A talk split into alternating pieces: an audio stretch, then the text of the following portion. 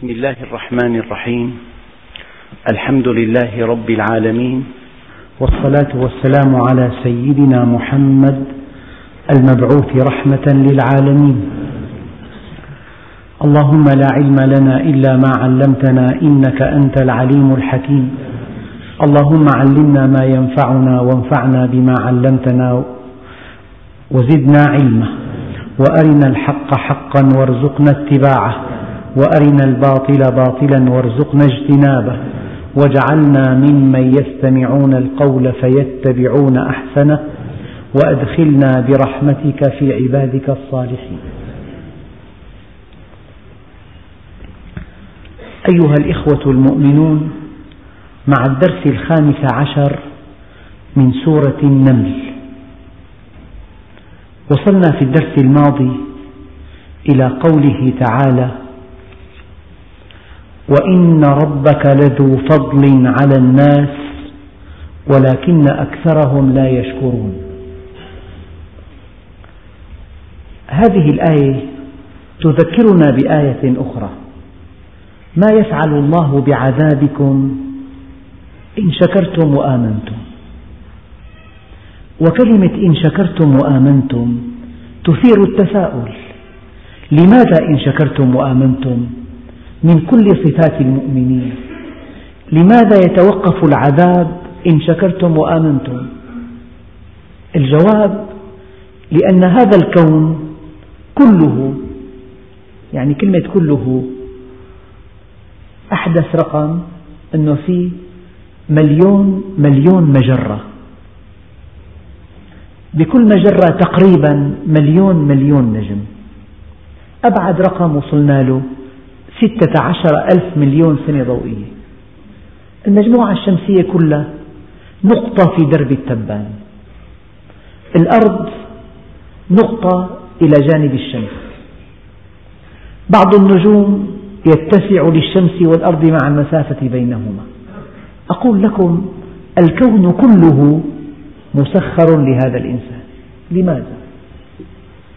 هكذا يعني السؤال الدقيق أيحسب الإنسان أن يترك سدى ما في مسؤولية ما في حساب ما في تبعة ما في عقاب ما في آه، دفع ثمن. هكذا تفعل ما تشاء تأكل ما تشاء تكسب من مال الناس ما تشاء تنفق ما تشاء تنظر إلى من تشاء تستمتع بمن تشاء. هكذا أيحسب الإنسان أن يترك سدى أفحسبتم أنما خلقناكم عبثا؟ الكون كله مسخر لهذا الإنسان. يعني جامعة فيها أبنية ومنشآت ومدرجات ومخابر وحدائق ودور للسكن ودكاترة. يعني مكلفة ألوف الملايين. وفيها طلاب يتقاضون رواتب. السكن مجاني والطعام جيد والمحاضرات وسائل الإيضاح. الأجهزة المخابر. ما في امتحان. هكذا. يكفي أن يأتي الطالب لهذه الجامعة ويأخذ درجة عليا من دون امتحان. الدوام كيفي يا ترى؟ التعامل كيفي مع الأجهزة؟ أيحسب الإنسان أن يترك سدى هذا الكون العظيم المسخر لهذا الإنسان. سخره الله له تسخيرين. تسخير تعريف بذاته وتسخير تكريم. ماذا ينبغي أن يكون رد الفعل؟ واحد أكرمك واحد دعاك لغدا أو لإفطار في رمضان. يعني أقل كلمة تقول له شكرا. أقل كلمة. فإذا إنسان تلقى معروف من إنسان يا الله عز وجل منحك الوجود. من أنت؟ أنا أيام كتاب مثلا مطبوع بالثلاثينات بالعشرينات يخطر ببالي خاطر. أن هذا الكتاب حينما ألفه المؤلف وحينما صف حروفه الطابع وحينما طبع من أنا؟ ما في وجود إطلاقا. هل أتى على الإنسان حين من الدهر؟ لم يكن شيئا مذكورا. نحن جميعا بعتقد 1900 ما في حدا منا عايش كان. ما كان في لنا وجود إطلاقا. هذا الإله العظيم الذي منحك نعمة الوجود. لم تكن شيئا مذكورا. أوجدك بأحسن قوام. ولقد خلقنا الإنسان في أحسن تقويم. 800 لون 800 ألف لون أخضر مدرجين. عينك البشرية تفرق بين درجتين. إذا أخذنا لون واحد درجناه 800 ألف درجة. عينك البشرية تفرق بين درجتين. جعل لك سمع. جعل لك ذاكرة صوتية. جعل لك بصر تدرك الألوان تدرك الحجوم طول وعرض وعمق بعين واحدة سطوح تدرك بالعينتين حجوم الشيء بحجمه الحقيقي. يعني التحميض فوري.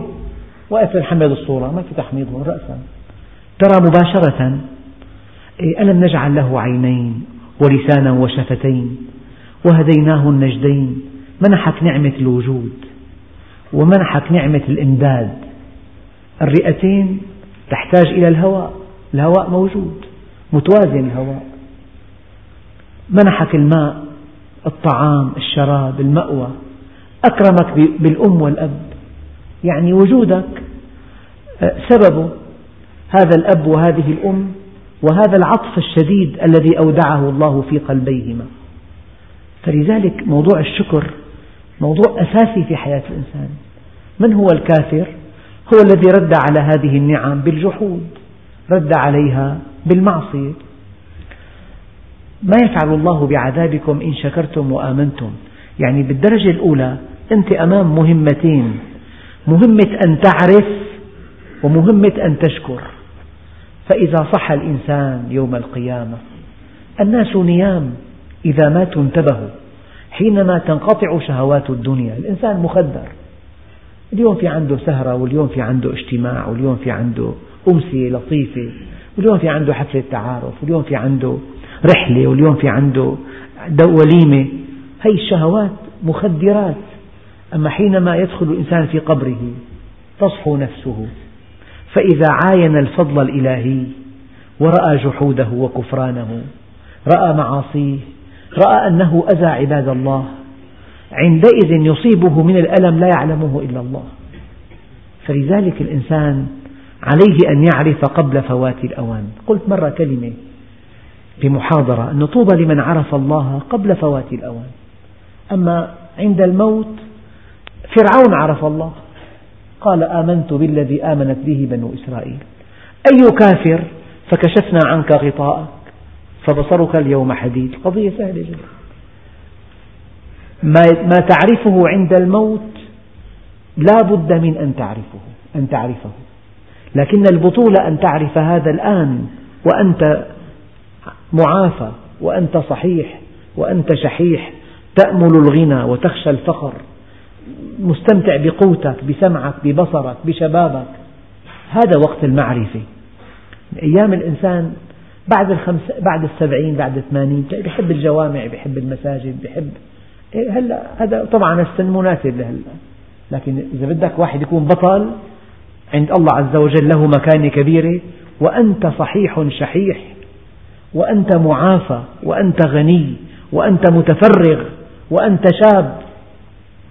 من هنا النبي عليه الصلاة والسلام قال ريح الجنة في الشباب. قال إن الله ليباهي الملائكة بالشاب المؤمن. يقول انظروا عبدي ترك شهوته من أجلي. بعدين في نقطة مهمة جدا. لما الإنسان يتعرف إلى الله بسن متأخرة بيكون ترتبت حياته ترتيب على غير طاعة الله. بيعاني مشكلات مع زوجته مع أولاده من حرفته من عمله. أنه كله ترتب ترتيب على خلاف الأصول. أما إذا عرف الله في وقت مبكر عرفه وهو شاب طبعا حيكون زواجه إسلامي حيكون عمله صحيح حيكون علاقاته كلها صحيحة. فلذلك الذي يقوله الله عز وجل وإن ربك لذو فضل على الناس.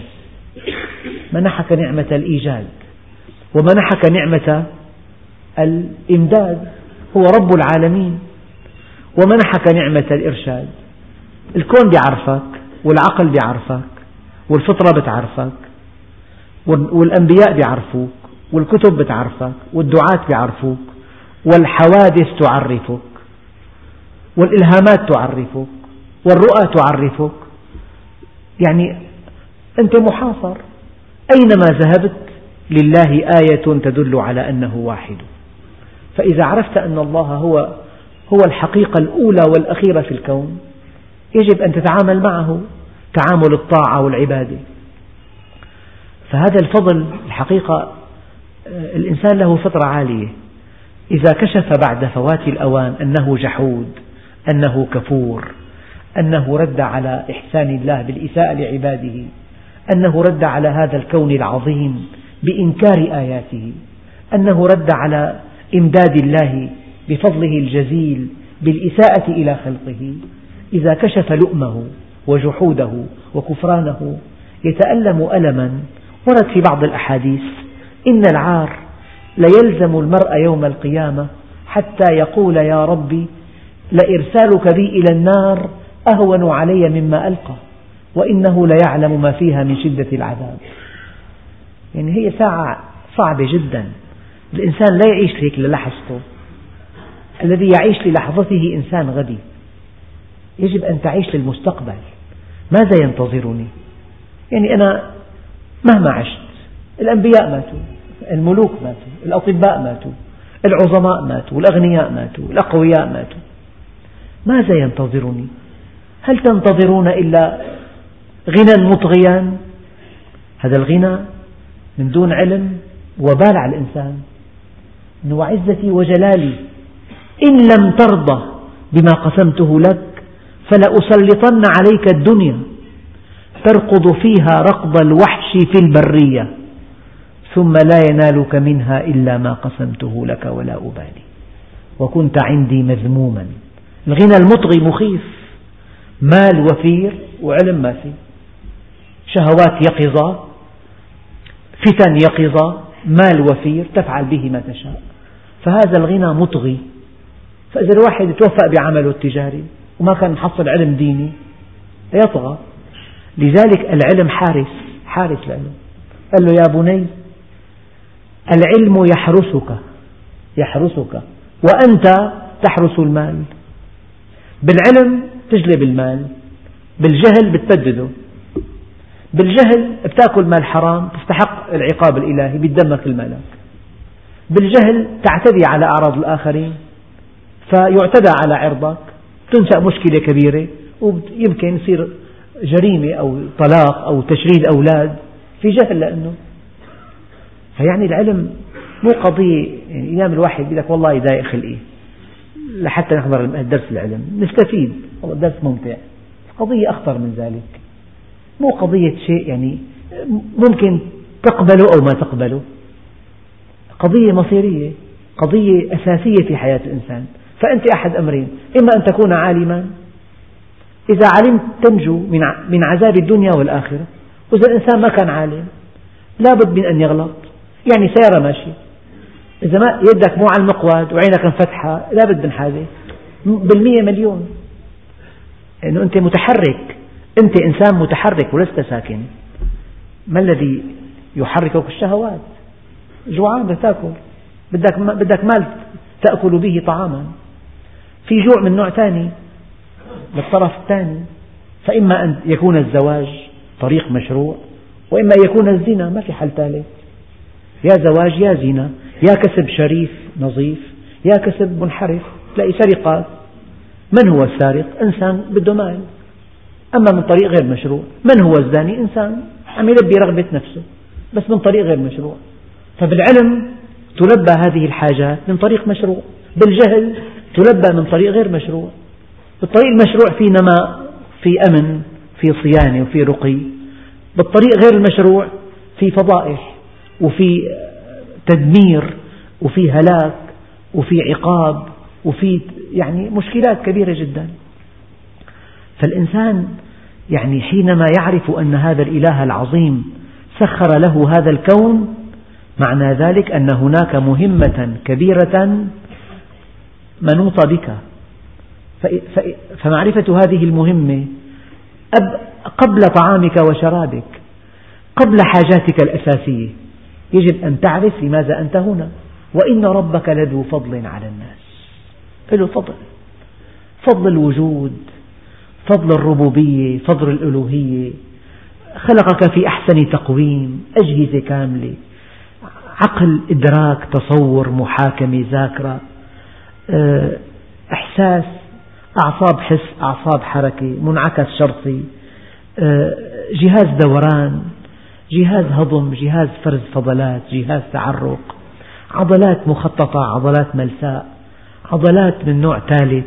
القلب لحاله نوع من العضلات. قلب. والله طبيب قلب من ألمع أطباء القلب؟ قال لي كلمة من يومين. قال لي والله علماء الأرض لو استمروا في البحث عن عجائب القلب إلى يوم القيامة لا ينتهون. قال لي دعينا إلى مؤتمر أربعة آلاف وخمسمائة محاضرة. هذه المحاضرات كلها ما هو جديد في أمراض القلب. جديد. ما هو القلب؟ الدسامات. الدسامات اختصاص. العضلة عضلته اختصاص. ترويته اختصاص. كهرباء اختصاص. اختصاص قائم بذاته. أعطاك قلب يعمل ليل نهار من دون كلل من دون ملل من دون مراجعة من دون استراحة. منذ أن تدب الحياة في هذا الجنين وحتى يحين الحين. يضخ لك كل يوم 8 أمتار مكعبة من الدم كل يوم كل يوم. يضخ بالحياة ما, ما يملأ أكبر ناطح السحاب في العالم. والشريان التاجي له دسام يغلق بإحكام ويفتح بطلاقة وأنت لا تدري. وجعل الشرايين كلها قلوب. الشريان بدك مرن. لما تجي ضغط القلب بيتجاوب معها. لما بيتجاوب بيرجع بمرونته بيرجع الضغط مشى الدم صار كل شريان قلب آخر. وأنت لا تدري. القلب والدوران عالم 150 كيلو متر من من الأوعية في جسمك. 150 كيلو متر من الأوعية الدموية الأوردة والشرايين والشعريات. وأنت لا تدري. بكل مليمتر مكعب خمسة ملايين كرية حمراء. اثنين ونصف مليون كرية تموت في كل ثانية. واثنين ونصف مليون كرية تولد في كل ثانية. وأنت لا تدري. وفي عندك جهاز هذا جهاز المناعة. هذا شغل العالم الشاغل. في عندك كريات بيضاء. ولا مراكز إلى قواعد عسكرية. بيدخل جرثوم. في نوع من الكريات بيفحص الجرثوم ما نوعه؟ هذا مستطلع. هذا يأتي بالمعلومات. في نوع ثاني بيصنع المصول في العقد اللمفاوية. في نوع ثالث بحارب الكريات الحمراء قسم استطلاع وقسم تصنيع وقسم حرب. مرض الآيدز ما هو؟ تعطل هذا الجهاز. جهاز المناعة. يتعطل في بالدم في كريات حمراء في كريات بيضاء في صفائح دموية للترميم. أتحسب أنك جرم صغير وفيك انطوى العالم الأكبر. أنا بعرف أنه في 300 ألف شعرة بالرأس. عم بقرأ امبارح طلع في مليون شعرة بالجسم كله. مليون شعرة. لكل شعرة وريد وشريان وغدة صبغية وغدة دهنية وعضلة وعصب لكل شعرة لكل شعرة عضلة مخططة بالشد وقف شعر بدني. شوف شو يوقف لك إياه في عضلات. عضلة وعصب ووريد وشريان وغدة دهنية وغدة صبغية. مليون شعرة في جسمك. وأنت لا تدري. يعني هيك الإنسان عايش هملا على هامش الحياة. أكلنا وشربنا وسهرنا وضحكنا ولعبنا ولعبنا بالشدة ولعبنا بالطاولة وشفنا الفيلم الفلاني وأكلنا مال حرام وعلى الشاطر حلال على الشاطر وفلان دبر حاله. شو الحياة هي؟ حياة فوضى كلها. لذلك الله عز وجل قال أي الآية الأولى أيحسب الإنسان أن يترك سدى؟ أفحسبتم أنما خلقناكم عبثا؟ وإن ربك لذو فضل على الناس. أنا أقول لكم والله إذا كشف الإنسان في ساعة ما فضل الله عليه ولؤمه يعني يتمنى لو تسوى به الأرض يتمنى لو يسحق. هيك موقف الإنسان. هذا له أذى الناس. الله عز وجل أنعم عليه بنعم السمع والبصر والعقل والعضلات. هو عم يأذي الناس. هذا لازم ينسحق سحق حينما يكتشف الحقيقة. فهي الناس نيام إذا ما انتبهوا البطل من يعد لهذه اللحظة التي تراجع فيها الحسابات. العلماء قالوا من معاني هذه الآية أيضا أن الله عز وجل بيمهل الإنسان يعطيه فرصة. تلاقي إنسان كافر ما بيصلي مؤذي بيتحدى الإله أحيانا. ومع ذلك تلاقي يأكل ويشرب وقلبه ينبض وحركاته وعضلاته. الله عز وجل له فضل على الناس. فضله على الناس بأنه منحهم فرصة. فرصة للتوبة فرصة للتفكر. الله عز وجل يمهل ولا يهمل. ولكن أكثر الناس لا يشكرون. طيب ما هو الشكر؟ الشكر يعني في أدق التعريفات. إذا عرفت أن هذه النعمة من الله فهذا أحد أنواع الشكر. لقيت حالك أنت بصحة طيبة الصحة مو صدفة هي الصحة. كل السكر مضبوط البول مضبوط الأوري مضبوطة الكوليسترول الشحوم بالدم تعمل تحليل 800 ليرة تطلع كله طبيعي طبيعي طبيعي.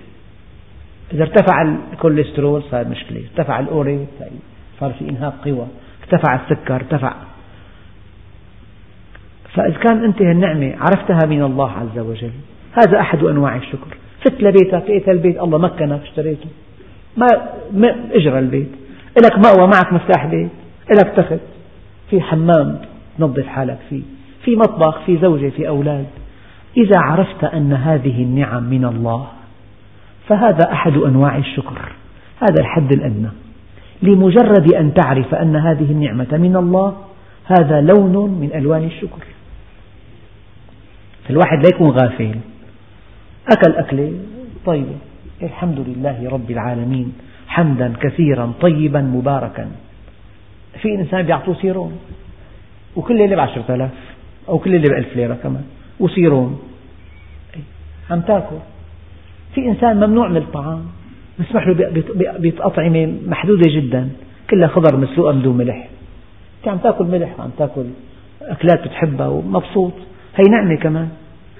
عندك زوجة صحيحة. في زوجة بتدفع زوجها كل شيء بيملك كل ما يملك إذا في أمراض عضالة والله مشكلة.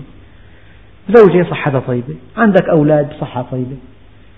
إذا دخلت إلى البيت قلت الحمد لله على هذه النعمة. الله قال لئن شكرتم لأزيدنكم. الله عز وجل شكور. إن لآك شكور يزيدك من فضله. لا يغير الله ما بقوم حتى يغيروا ما بأنفسهم. أبدا.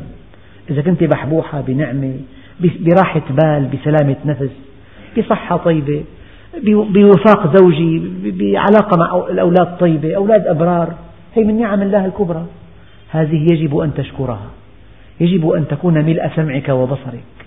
أنه ما يفعل الله بعذابكم إن شكرتم وآمنتم. يجب أن تشكر. ولن تشكر إلا إذا آمنت. يجب أن تؤمن وأن تشكر. هيثم هلأ الدرجة الأعلى بالشكر. أول درجة يكفي أن تعزو هذه النعمة إلى الله. هي مو بذكائي. ماذا قال قارون؟ إنما أوتيته على علم عندي. اسمع الناس ده. لو ما كنت صحيان ما كنت ربحت. لو ما كنت قد حالي ما كنت أخذت هالبيت.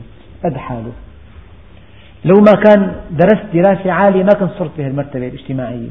هذا كله عرق. عرق بذلته في عمري. هذا كله شرك الكلام. كله كلام جهل. الله عز وجل منحك نعمة نعمة الصحة نعمة الد... أعطاك عقل ترتزق منه. لو صار في خلل وين محل الواحد القصير. مين بدخله؟ أولاده وزوجته. وبرجع وبواسطة بدها واسطة كمان. هو اشترى البيت هو عمر البيت هو رتبه. هو دوكره هو جاب لهم هالترتيبات. هذين بيفوزوا على المستشفى أولاده. لك صار أبونا بيخوف صار. إذا كان حصل خلل بالعقل هذا الدعاء الشريف. ومتعنا اللهم بأسماعنا وأبصارنا وقوتنا وعقولنا ما أحييتنا واجعله الوارث منا. لكن والله الله عز وجل كريم إذا إنسانك أطاعه في الصغر قال له يا بني حفظناها في الصغر فحفظها الله علينا في الكبر. من تعلم القرآن متعه الله بعقله. ما في خرف عنده. المؤمن يا الله ما أحلى المؤمن. كل ما كبر بالسن بيزداد تألق صار نجم. ما عاد يعيد القصة مليون مرة. يصير حشري. لا. أنه أرى قرآن لأنه من تعلم القرآن متعه الله بعقله حتى يموت. ما خرج من من البؤرة تبع الاهتمام للهامش. لا لا. بقي بالاهتمام. لا في إنسان بيتقدم في السن. بملوا منه أهله بيهربوا منه. بيحطوه بغرفة بيهربوا لغرفة ثانية بيقعدوا. في إنسان وجوده مصدر سعادة للناس وجوده. تلاقي الإنسان بيتمنوا يقعدوا معه. في فرق. هذا الذي حفظ نفسه في الصغار. وقت كان شاب ما زنى ولا شرب خمر ولا أكل مال حرام وغض بصره عن النساء وحرر دخله ومن جامع لجامع وحضر مجالس علم وصلى وصام وزكى وذكر الله عز وجل وخدم الناس ودعا إلى الله وأمر بالمعروف. هي هالجهد في الشباب هي الشيخوخة وقار وعقل ومكانة اجتماعية وشعور بالسعادة. فالواحد الطرق كلها مفتوحة يا أخوانا. ما في عند الله حدا أحسن من حدا. فضل الله واسع. يسعنا جميعا. مو يسعنا الحاضرين يسع الأرض كلها. يسع كل إنسان على وجه الأرض. فضل الله عز وجل. فالدرجة الثانية أن تشعر هذا الشعور بالامتنان هذا الحمد. أول درجة أن تعرف أن هذه النعمة من الله هي الأولى. الثاني أن تشعر أن تخاطب الله يا ربي لك الحمد. يا ربي لك الحمد والشكر على ما أنعمت وفضلت. دائما المؤمن يلهج بالشكر حتى في المصيبة. إذا أحب الله عبده ابتلاه. إذا أحبه فإن صبر اشتباه فإن شكر اقتناه ثلاث أطفال بالطريق ماشيين واحد منهم سب الدين أو سبوا ثلاثة الدين. الأب إذا كان أحد الرجال أب لأحد هؤلاء الثلاثة بينطلق لحتى يربيه من محبته له أما الثاني بيتركه فلما ربنا عز وجل بيأدب الإنسان محض محبة محض اهتمام معناها مطموع بالإنسان معناها في خير. إذا أحب الله عبده ابتلاه. إذا أحبه. فإن صبر اجتباه فإن شكر اقتنى فالحالة الثانية حالة الحمد. الحمد شعور داخلي بالامتنان من الله عز وجل. راضي. هم الأحبة إن جاروا وإن عدلوا. فليس لي عنهم معدل وإن عدلوا. والله وإن فتتوا في حبهم كبدي. باق على حبهم راض بما فعلوا. علامة الإيمان أن تحب الله لا في الرخاء في الشدة. هذا قال له يا ربي هل أنت راض عني عم يطوف حول الكعبة قال له الإمام الشافعي كان وراه ماشي. قال له هل أنت راض عن الله حتى يرضى عنك؟ قال له من أنت يرحمك الله؟ كيف أرضى عنه وأنا أتمنى رضاه؟ شو الحكي هذا؟ أنا أتمنى رضاه لي أرضى عنه؟ قال له يا هذا إذا كان سرورك بالنقمة كسرورك بالنعمة فقد رضيت عن الله. إيمانك مو على الرخاء على الصحة الطيبة والدخل الكبير كل شيء مضبط تماما وأكل وسيارين. مو بالمصيبة الإيمان. يا ربي لك الحمد. عجبت لأمر المؤمن. إن أمره كله خير. إن أصابته سراء شكر فكان ذلك له خير. وإن أصابته ضراء صبر فكان ذلك له خير. وليس ذلك لغير المؤمن. الأمر المؤمن أمر عجيب. دائما بيتلقى الأمور من الله عز وجل راضي. لذلك الله قال ولنبلونكم بشيء من الخوف والجوع ونقص من الأموال والأنفس والثمرات. وبشر الصابرين. الذين إذا أصابتهم مصيبة قالوا إنا لله وإنا إليه راجعون. أولئك عليهم صلوات من ربهم ورحمة وأولئك هم المهتدون. المرحلة الثالثة بالشكر. أول درجة أن تعرف أن هذه النعمة من الله. شكر هذا. الدرجة الثانية ذكر. يا ربي لك الحمد. ذكر. قال له يا, مو... قال له يا... يا ربي كيف أشكرك؟ قال له يا موسى إنك إن ذكرتني شكرتني. وإذا ما نسيتني كفرتني. نسيان الله. لاحق عبد الله نسيان الله. متى في كفر هذا. أما المؤمن لا ينسى الله أبدا. الأولى معرفة الثانية ذكر الثالثة عمل. لقوله تعالى اعملوا آل داود شكرا اعملوا آل داود شكرا وقليل من عبادي الشكور. الله يجعلنا مع الأقلية الشاكرة لا مع الأكثرية الكافرة. وإن ربك لذو فضل على الناس ولكن أكثرهم لا يشكرون. لذو فضل على الناس. على وضعك الحالي. ودخلك قليل هذا هو الفضل. الله بيكشف الغطاء. والله الذي لا إله إلا هو. حينما يكشف الغطاء حينما يظهر لك الله عز وجل ما ساقه لك في الدنيا. اجت متاعب ضيق مادي مرض مخيف أيام تكون زوجة متعبة أولاد متعبين جار متعب. يعني ضياع أحيانا. خوف أيام قلق حزن. خلل أصاب الجسم. لما ربنا عز وجل يسوق لك هذه الشدائد ويريك في الآخرة لماذا ساقها لك؟ لازم المؤمن أو أي إنسان يذوب مثل الشمعة محبة لله عز وجل. أما سيدنا علي الله يرضى عنه قال لا. قال أما أنا والله لو كشف الغطاء ما ازددت يقينا. يعني هو قبل كشف الغطاء موقن برحمة الله وحكمته وعدالته وعطفه ورأفته قبل كشف الغطاء. قال والله لو كشف الغطاء ما ازددت يقينا. إيه لما تقرأ قوله تعالى إنا وجدناه شاكرا. شيء حلو كثير. شاكر. النبي الكريم كان إذا كان قضى حاجة. يطلع. الحمد لله الذي أذاقني لذته وأبقى في قوته وأذهب عني أذاه. علم هذا؟ علم علم. هذا الطعام أذاقك الله لذته. ما أكلت سيرون تفاحة عضيتها. طيبة والله منين؟ شيء لها نكهة طيبة كثير هي مو طبيعية. من من محلات جبلية حتما. أذاقك لذتها وأبقى فيك قوتها. في حيل في قوة. يا قوي آكل أكل دسم. هي الثانية. الثالثة وأذهب عني أذاه. ما بده عائد مصران عملية جراحية. حصر بول بالمثانة بده تمييل لا لا الطرق كلها سالكة. أذاقك لذته وأبقى فيك قوته وأذهب عنه عنك أذاه. هيك النبي علمنا. هذا إذا كان فات لدورة المياه النبي الكريم. له الدعاء. إذا فات لبيته الحمد لله الذي آواني وكم ممن لا مأوى له. روح شوف بشرق آسيا. أجيال الأب الجد والابن وابن الابن على الطريق نايمين بالطرقات. ساكن ببيت معك مفتاح بيت. تخت إلك في حمام في مطبخ. قليلة هي لك مأوى. فالدرجة الثانية بالشكر أن ترى هذه النعم أن تذكرها. الدرجة الثالثة أن تكون في خدمة عباده. الأغنياء أوصيائي والفقراء عيالي.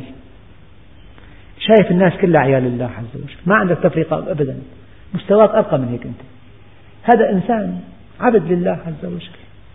لازم تخدمه. لازم السر ما تخوفه.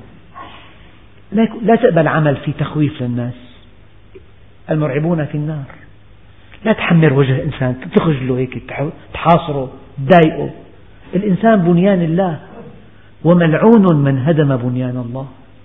هذا الله خلقه. لا تخوفه لا تبتز ماله لا تعطيه بضاعة مغشوشة تأخذ مبلغ غالي أخي. يوم وقفة محل كله عم ينباع زبالة عم تنباع. وإذا كان يوم وقفة يعني؟ لك شطارة. شو عندي زبايل؟ بعتها. بيقول زبايل كمان. ما بسميها بضاعة زبايل بعتها. هيك المؤمن؟ هذا أخوك بالإنسانية. تعبان بهالقرش بيعه شغلة منزوعة فإذا واحد ارتقى لمستوى ثالث صار في خدمة الخلق. الخلق كلهم عيال الله. ما بيقدر يأذي إنسان ولا يضحك على إنسان ولا يغش إنسان. بكفي تعطيه بضاعة من مستوى أدنى من, من, من طلبه. تأخذ السعر على طلبه. غشيته أنت. في غش بالوزن في غش بالنوع في غش بالتاريخ. منتهي مفعولة. لا عنده خمسة قطع أدوية ومنتهي مفعولة محل التاريخ حكه لك صرفناهم صرفناهم. هيك المؤمن ليس هذا الإيمان. فأول درجة بالشكر أن تعرف أن هذه النعمة من الله وليست من ذكائك ولا من جهدك. الدرجة الثانية أن تذكر. الدرجة الثالثة أن تعمل. اعملوا آل داود شكرا. هنيئا لمن بلغ الدرجة الثالثة. شعر حاله خادم للخلق. ما دام الخلق كلهم الله يحبهم.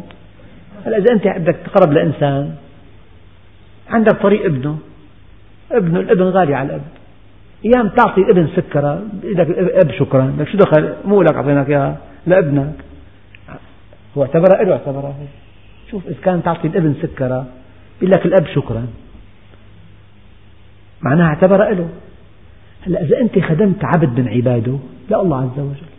من ذا الذي يقرض الله قرضا حسنا فيضاعفه له أضعافا كثيرة.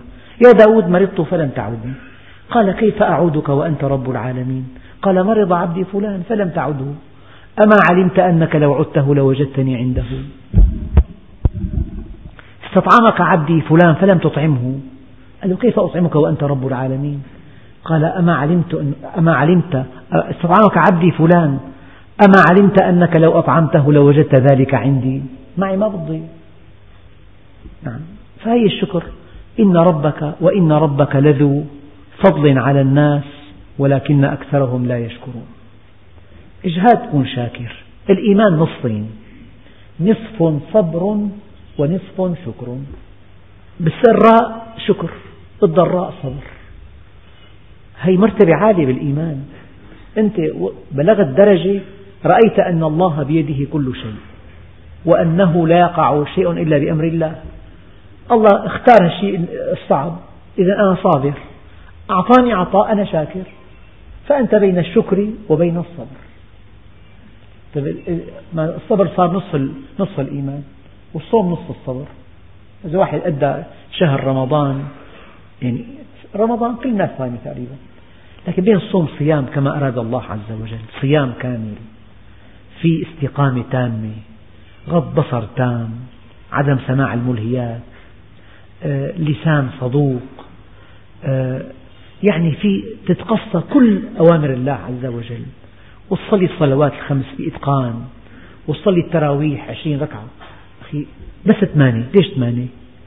النبي عليه الصلاة والسلام يقول عليكم بسنتي وسنة الخلفاء الراشدين الهادين المهديين أمر إلهي أمر نبوي. عليكم بسنتي وسنة الخلفاء الراشدين. سيدنا عمر صلى بأصحاب بأصحاب النبي التراويح عشرين ركعة. إذا هذه سنة يجب أن تطبق. يعني الإنسان أيام خمس ساعات كلام فاضي مشان نص ساعة تراويح. ثلاث ركعات. خمس ساعات. كلام بدون طعمة. غيبة ونميمة وكلام فاضي يعني. مشان أن تسمع كلام الله عز وجل. يتلى عليك أعلى درجة من درجات الثواب. أن تقرأ أو أن تستمع إلى كتاب الله. في صلاة وأنت واقف وأنت في مسجد. أي تراويح؟ وإذا كان أتيح لك أن تسمع القرآن كله في التراويح. كل القرآن. إيه؟ هي قيام الليل. وإن ربك لذو فضل على الناس ولكن أكثرهم لا يشكرون. أول درجة بالشكر ما هو؟ المعرفة. والثاني الذكر. والثالث العمل. إنك إن ذكرتني شكرتني. وإذا ما نسيتني كفرتني. الثالثة اعملوا آل داود شكرا. ماذا قدمت أنت؟ يعني في سؤال عنا دقيق. هذا السؤال قال وقل اعملوا فسيرى الله عملكم. آية الصبح اليوم عندنا كان درس اليوم صباحا بالجامعة وقل اعملوا فسيرى الله عملكم. هذا السؤال الدقيق. سأل نفسك السؤال أنا أي عمل أعددته لألقى الله به؟ عمل اكتب لشوف. ماذا فعلت من أجل الله؟ ماذا أعطيت؟ ماذا منعت؟ أي وقت بذلته في سبيل الله؟ أي جهد بذلته في سبيل الله؟ أي خبرة قدمتها في سبيل الله؟ أي علم علمته في سبيل الله؟ هل أمرت بالمعروف؟ هل نهيت عن المنكر؟ هل رعيت الأيتام؟ هل رعيت الأرامل؟ هل كنت أبا, أبا مثاليا؟ هل كنت زوجا مثاليا؟ ماذا فعلت؟ كي تلقى الله بهذا العمل؟ سؤال خطير. ممكن نحن ناكل ونشرب نعيش كما يعيش عامة الناس بس ما لنا أجر. هي بحكم العادة والاستمرار والمصلحة وكسب الرزق. أما يجب أن يكون لك عمل مركز تبتغي به وجه الله عز وجل. وإن ربك ليعلم ما تكن صدورهم وما يعلنون. في بنفسك شعور رغبة رغبة أنه يمدحوك الناس. معروف عند الله عز وجل مكشوف. أيام الإنسان بيعمل عمل صالح يكون إخلاصه ضعيف لله عز وجل. بده عوض دفع عزم. الأكل إن شاء الله طيب. إيه والله الله سلم بدي إياه. إن شاء الله تهنيتوا بالأكلات للأكل طعمهم. بده ينتزع إعجابهم ينتزع استحسانهم لأنه دفع مبلغ ضخم. أما إذا كان إطعامك لله عز وجل اختلف الأمر. إنما نطعمكم لوجه الله. لا نريد منكم جزاء ولا شكورا. كل ما رجح عقلك قال كلامك. الله اطلع على قلبك. وعرف إخلاصك وعرف محبتك. فالإنسان عند الله مكشوف. بيقدر بذكائه يحكي كلام طيب مقبول. لكن يا ترى لما فوتوا تفضلوا هون أطفالكم هذول رفقات زوجتك شو شو أطفالهم هون؟ أنت أجنبي عنهم. برد عليكم هنيك عن حق برد خايف على بردهم أنت مثلا. لما قضية في جوا في هدف آخر تتعرف عليهم مثلا. وإن ربك ليعلم ما تكن صدورهم وما تعلنون. ليش فلان زرته؟ بتعرف أنه في عنده ما عنده اختلاط عنده اختلاط. وقد تحرج بزوجته. اشتقت له والله؟ فعلا له اشتقت له بالذات؟ لما شيء ثاني وإن ربك ليعلم ما تكن صدورهم وما يعلنون. يعرف الله عز وجل. يعلم بالضبط أنه أنت لك رغبة معينة منحرفة غير صحيحة. فالإنسان له أن يقول ما يشاء لكن الله عز وجل يكشف على حقيقته. الآية بتخوف هي. هذه قاسمة الظهر الآية هي. وإن ربك ليعلم ما تكن صدورهم. هذا الصانع جبته لعندك. قلت له أنت بدي شاركك بالمستقبل. فعلا أنت ناوي هيك تساوي؟ لما بس عم عم ترغبه بالشغل. هو مسكين صدقك هو. وقام تفانى بالعمل. لما كبر ما لك مصلحة معه صار بدك ضيقت عليه الخناق. ضايقته شو أمهرب يا الله كاشفك من زمان. لازم تعرف أن الله عز وجل بيعرف أدق نواياك. الشيء الذي لا يعلمه أحد يعلمه الله عز وجل ويعلم ما يخفى عنك أيضا. فالواحد إذا تزوج إذا كان صادق إذا كان شارك تلاقي شركة يقول لك والله الحمد لله في تفاهم ناوي يتعلم المصلحة من شريكه بعدين يقول له مع السلامة. والمحل حطه باسمه سلفا. ليش باسمه؟ مثل بعضه. مثل بعضه. هي فعلا مثل بعضها لما ليش؟ ناوي نية ثانية. وإن ربك ليعلم ما تكن صدورهم وما يعلنون. بعلاقاته مع النساء بعلاقاته التجارية بشراكاته بحركاته بسكناته. أيام الإنسان بيقدر يعمل مظهر أخلاقي وراقي. من الحقيقة بدنا. الحقيقة يعرفها الله عز وجل. لا تستطيع أن تخدع الله. المنافقين يخدعون الله وهو خادعهم. وهو خادعهم. يخادعون الله والذين آمنوا وما يخدعون إلا أنفسهم وما يشعرون. هذه الآية تكفي وحدها. وإن ربك ليعلم هي لام التوكيد. وإن إن للتوكيد. إن ربك ليعلم اللام للتوكيد. ما تكن صدورهم. وما يعلنون. يعني طبيب يقول للمريض لازم تجي بعد شهر. فعلا بعد ما في حاجة بس مشان تخوفه شوي مشان يعطيك. طبيب له مكانته وبعدين موثوق. تعب على الشهر راجعني. يا ترى فعلا بحاجة المريض بعد شهر مراجعة لما حتى يخليه على صلة؟ طبعا بده يجي يضطر يدفع معاينة. الله بيعرف. يعني الطبيب المحامي المدرس الابن في أمل ينجح. ما في أمل أبدا. لا عم تدرسه لكان كل ساعة 250 ليرة. قل له ما والله ما في أمل. هذا بعيد كثير عن النجاح. إذا في أمل شمر وابدأ. فهي المهن التدريس والمحاماة والطب والهندسة. يعني وإن ربك ليعلم والتاجر. وبتقول له هي أحسن بضاعة نقي لي أنت على ذوقك. بتنقي له أبشع لون. هكذا كتار عندي صاروا هيك هيك الدين والأمانة. وإن ربك ليعلم ما تكن صدورهم وما يعلنون. يعني كل شيء داخلي معروف والظاهر معروف. وما من غائبة في السماء والأرض إلا في كتاب مبين. أي شيء غاب عنك حادثة موقف أي شيء غاب عنك الله سبحانه وتعالى يعلمه يعلمها وفي كتاب مبين. ثلاث آيات اليوم. وإن ربك لذو فضل على الناس ولكن أكثرهم لا يشكرون وإن ربك ليعلم ما تكن صدورهم وما يعلنون وما من غائبة في السماء والأرض إلا في كتاب مبين. إذا الإنسان بدأ بطريق الشكر. كل نعمة يتمتع بها يجب أن يعرفها من الله عز وجل. ثم عليه أن يشكر الله عليها.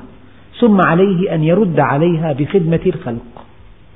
وكل إنسان من الحاضرين بيقدر من خلال عمله المهني يخدم عباد الله. كانوا السلف الصالح يفتح المحل التجاري يقول نويت خدمة المسلمين.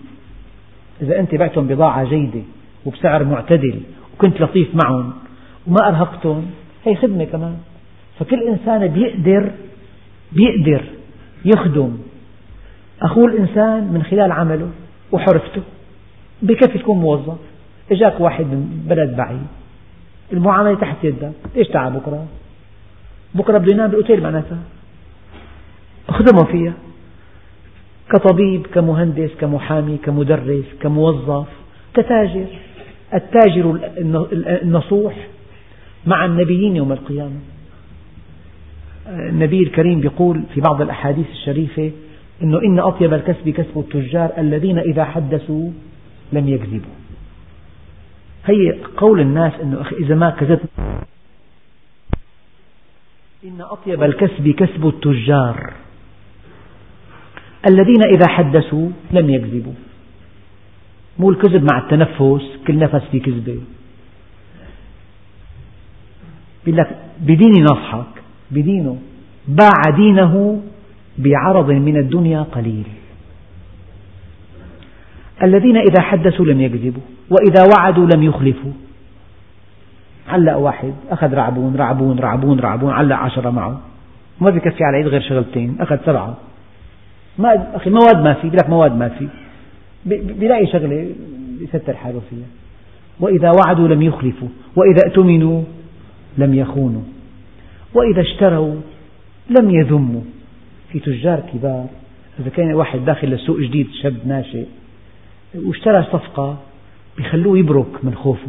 شو الله يصلحك على الصفقة هي ما بتتباع مع نمنوب هي.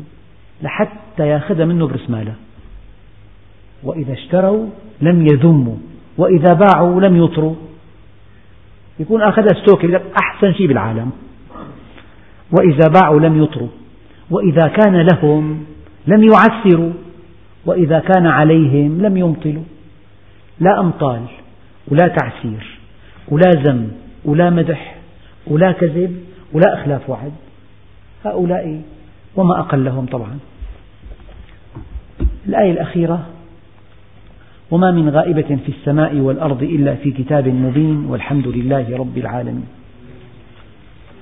بسم الله الرحمن الرحيم الحمد لله رب العالمين والصلاة والسلام على سيدنا محمد الصادق الوعد الأمين.